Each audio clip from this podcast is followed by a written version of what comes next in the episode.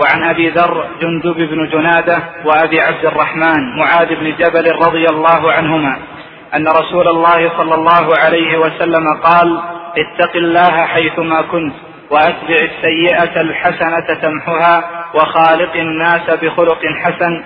رواه الترمذي وقال حديث حسن وفي بعض النسخ حسن صحيح.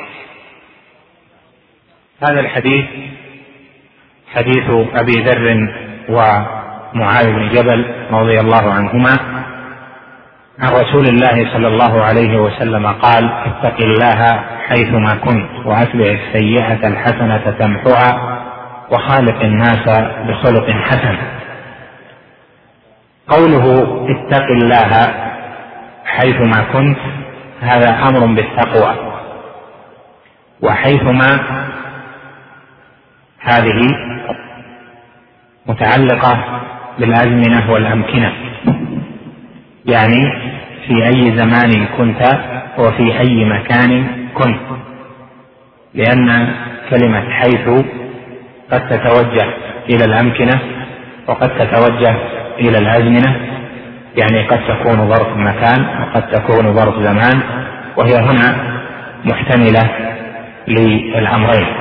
اتق الله حيثما كنت يعني اتق الله في أي مكان أو في أي زمان كنت. والأمر بتقوى الله جل وعلا هنا على الوجوب لأن التقوى أصل عظيم من أصول الدين.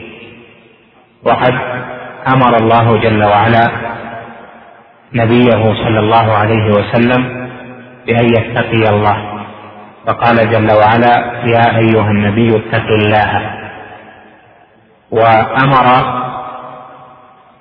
المؤمنين بأن يتقوا الله حق تقاته. يا أيها الذين آمنوا اتقوا الله حق تقاته. وأمرهم بتقوى الله بعامة. يا أيها الذين آمنوا اتقوا الله. وقولوا قولا سديدا يا أيها الذين آمنوا اتقوا الله ولتنظر نفس ما قدمت لغد. وأشباه ذلك. وتقوى الله جل وعلا. جاءت في القرآن في مواضع كثيرة. وأتت التقوى في مواضع أخر بتقوى عذاب الله جل وعلا. وبأن يتقي النار وأن يتقي يوم القيامة. كما قال جل وعلا واتقوا يوما ترجعون فيه إلى الله. وقال جل وعلا واتقوا النار. وهكذا في آيات أخر فهذان إذا نوعان.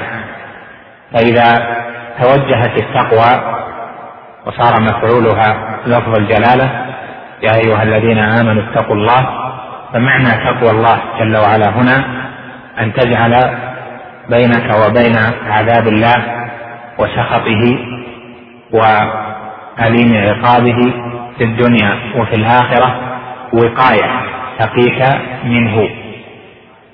وهذه الوقاية بالتوحيد ونبذ الشرك. وهذه هي التقوى التي أمر الناس جميعا بها. لأن تقوى الله كما ذكرت لك من معناها راجعة إلى المعنى اللغوي وهي أن التقوى أصلها وقوى فالتاء فيها منقلبه عن واو وهي من الوقاية وقاه يقيه وقاية فالمتقي هو من جعل بينه وبين ما يكره وقاية. بينه وبين سخط الله وعذابه وأليم عقابه وقايه وهي في القرآن أي الأمر بتقوى الله على ثلاث مراتب. الأولى تقوى أمر بها الناس جميعا. يا أيها الناس اتقوا ربكم. في آيات. وهذا معناه أن أن يسلموا أن يحققوا التوحيد ويتبرأوا من الشرك. فمن أتى بالتوحيد وسلم من الشرك فقد اتقى الله جل وعلا أعظم أنواع التقوى. ولهذا قال جماعة من المفسرين في قوله جل وعلا إنما يتقبل الله من المتقين يعني من الموحدين. والمرتبة الثانية أو النوع الثاني تقوى أمر بها المؤمنون. فقال جل وعلا يا أيها الذين آمنوا اتقوا الله. وهذه التقوى للمؤمن تكون بعد تحصيله كما هو معلوم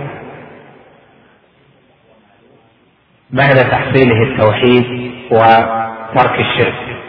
فيكون التقوى في حقه أن يعمل بطاعة الله على نور من الله وأن يترك معصية الله على نور من الله جل وعلا وأن يترك المحرمات ويمتثل الواجبات وأن يبتعد عما فيه سخط الله جل وعلا والتعرض لعذابه.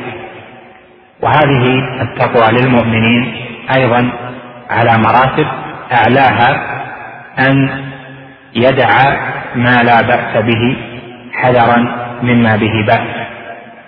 حتى قال بعض السلف ما سموا متقين إلا لتركهم ما لا بأس به حذرا مما به بأس.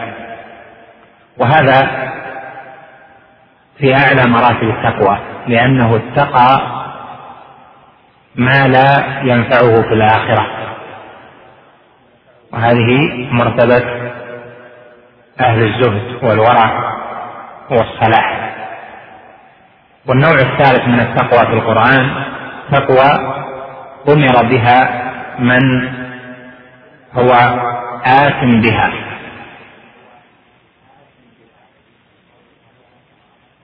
وذلك قول الله جل وعلا يا أيها النبي اتق الله. ومن أمر بشيء هو محصله فإن معنى الأمر أن يثبت عليه وعلى دواعيه. فمعنى قول الله جل وعلا يا أيها النبي اتق الله ولا تطع الكافرين والمنافقين يعني اثبت على مقتضيات التقوى. ولا تطع الكافرين والمنافقين. وذلك قوله جل وعلا يا أيها الذين آمنوا آمنوا بالله. الآية في سورة النساء فوصف فناداهم باسم الإيمان ثم أمرهم بالإيمان وهذا معناه أن يثبتوا على كمال الإيمان أو أن يكملوا مقامات الإيمان. بحسب الحال لأن لفظ يا أيها الذين آمنوا له الإيمان له درجات فقول النبي صلى الله عليه وسلم هنا اتق الله حيثما كنت هذا خطاب موجه لأهل الإيمان يعني لأهل النوع الثاني. فالمقصود منه أن يأتي بتقوى الله جل وعلا في أي مكان أو زمان كان وهو أن يعمل بالطاعات وأن يجتنب المحرمات. كما قال طلق بن حبيب رحمه الله تقوى الله أن تعمل بطاعة الله على نور من الله ترجو ثواب الله وأن تترك معصية الله على نور من الله تخشى عقاب الله. قال ابن مسعود وغيره في رجل سأله عن التقوى فقال ألم تمشي على طريق فيه شوك؟ فقال بلى. قال فما صنعت؟ قال شمرت واتقيت. قال فتلك التقوى. وهي مروية أيضا عن عمر رضي الله عنه. ونظمها ابن المعتز الشاعر المعروف بقوله خل الذنوب صغيرها وكبيرها ذاك التقى واصنع كماش فوق أرض الشوك يحذر ما يرى. لا تحقرن صغيرة إن الجبال من الحصى. وهذا بعامة يخاطب به أهل الإيمان. فإذا تقوى الله جل وعلا أن تخاف من أثر معصية الله جل وعلا. أن تخاف من الله جل وعلا فيما تأتي وفيما تذر. وهي في كل مقام بحسبه. التقوى في كل مقام بحسبه. ففي وقت الصلاة هنا تخاطب بالتقوى وفي وقت الزكاة تخاطب بالتقوى في هذا المقام وفي وقت الاتيان بسنة تخاطب بتقوى وفي وقت المخاطبة بواجب تخاطب بالتقوى وفي وقت أن يعرض عليك محرم من النساء أو المال أو الخمور أو ما أشبه ذلك من الأنواع أو محرمات اللسان أو أفعال القلوب من العجب والكبر أو الازدراء وسوء الظن إلى آخره. في كل مقام يأتيك هناك تقوى تخصه. فإذا تتعلق التقوى بالأزمنة وبالأمكنة ولهذا قال عليه الصلاة والسلام اتق الله حيثما كنت لأنه ما من مكان تكون فيه أو زمان تكون فيه إلا وثم أمر أو نهي من الله جل وعلا يتوجه للعبد. والوصية بالتقوى هي أعظم الوصايا. ولقد وصينا الذين أوتوا الكتاب من قبلكم وإياكم أن اتقوا الله. وكان الصحابة رضوان الله عليهم كثيرا ما يوصي بعضهم بعضا بتقوى الله. وهم يعلمون معنى هذه الوصية العظيمة. قال عليه الصلاة والسلام وأتبع السيئة الحسنة تمحها.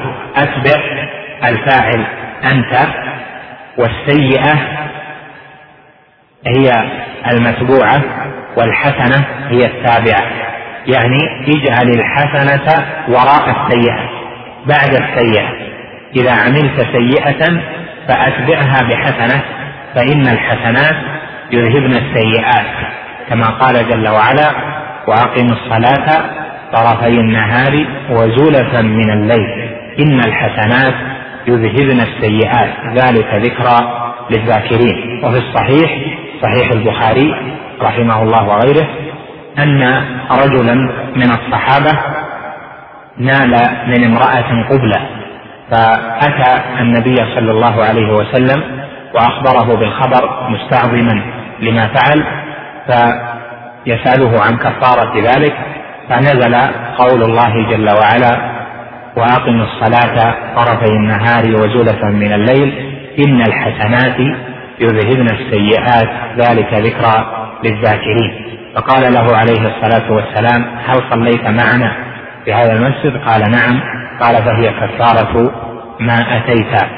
وهذا يدل على أن المؤمن يجب عليه أن يستغفر من السيئات وأن يسعى في زوالها وذلك بأن يأتي بالحسنات.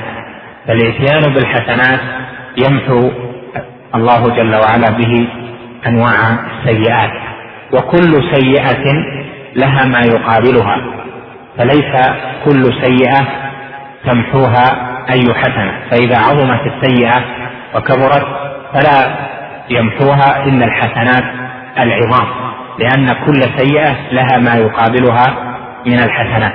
ولهذا جاء أن الرجل إذا غلط أو جرى على لسانه كلمة والكعبة أو أقسم بغير الله فإن كفارة ذلك من الحلف بالآباء وأشباه ذلك أن يقول لا إله إلا الله لأن ذاك شرك وكفارة الشرك أن يأتي بالتوحيد. وكلمة لا إله إلا الله هي من الحسنات العظام. كلمة التوحيد من الحسنات العظام. إذا فالسيئات لها حسنات يمحو الله جل وعلا بها السيئات. وهذا يدل على أن السيئة تمحى. ولا تدخل في الموازنة.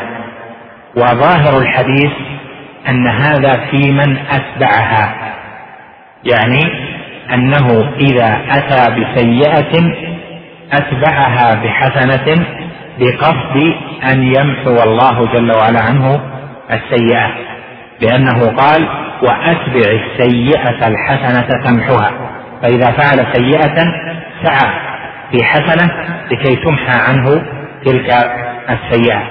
والحديث الذي ذكرنا وعموم الآية وأقم الصلاة طرفي النهار وزولة من الليل إن الحسنات يذهبن السيئات يدل على عدم القصد. فالحديث هذا دل على القصد يعني أن يتبعها قاصدا. والآية والحديث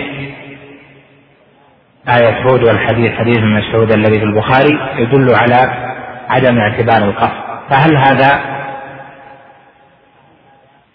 في كل الأعمال أم أنه يحتاج إلى أن يتبع الحسنة أن يتبع السيئة الحسنة حتى يمحوها الله جل وعلا عنه بقصد الإتباع؟ هذا ظاهر في أثره. فأعظم ما يمحو الله جل وعلا به السيئات أن يأتي بالحسنة لقصد التكفير. فهذا يمحو الله جل وعلا به الخطية لأنه جمع بين الفعل والنية والنية فيها التوبة والندم على تلك السيئة والرغبة إلى الله جل وعلا في أن يمحوها الله جل وعلا عنه. إذا فهي مرتبتان. المرتبة الأولى أن يقصد وهي العليا أن يقصد إذهاب السيئة بالحسنة التي يعملها. وهذا معه أن القلب يتبرأ من هذا الذنب ويرغب في ذهابه ويتقرب إلى الله جل وعلا بالحسنات حتى يرضى الله جل وعلا عنه. ففي القلب أنواع من العبوديات ساقته إلى أن يعمل بالحسنة ليمحو الله جل وعلا عنه بفعله الحسنة ما فعله من السيئات. والمرتبة الثانية أن يعمل بالخير مطلقا والحسنات يذهبن السيئات بعامة كل حسنة بما يقابلها من السيئة فالله جل وعلا ذو الفضل العظيم. إذا تقرر ذلك فالحسنة المقصود بها الحسنة في الشرع والسيئة هي السيئة في الشرع والحسنة في الشرع ما يثاب عليه والسيئة في الشرع ما ورد الدليل بأنه يعاقب عليه. إذا فالسيئات هي المحرمات من الصغائر والكبائر والحسنات هي الطاعات من النوافل والواجبات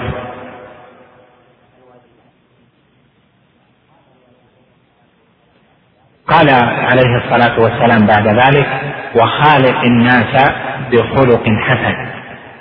والناس هنا يراد بهم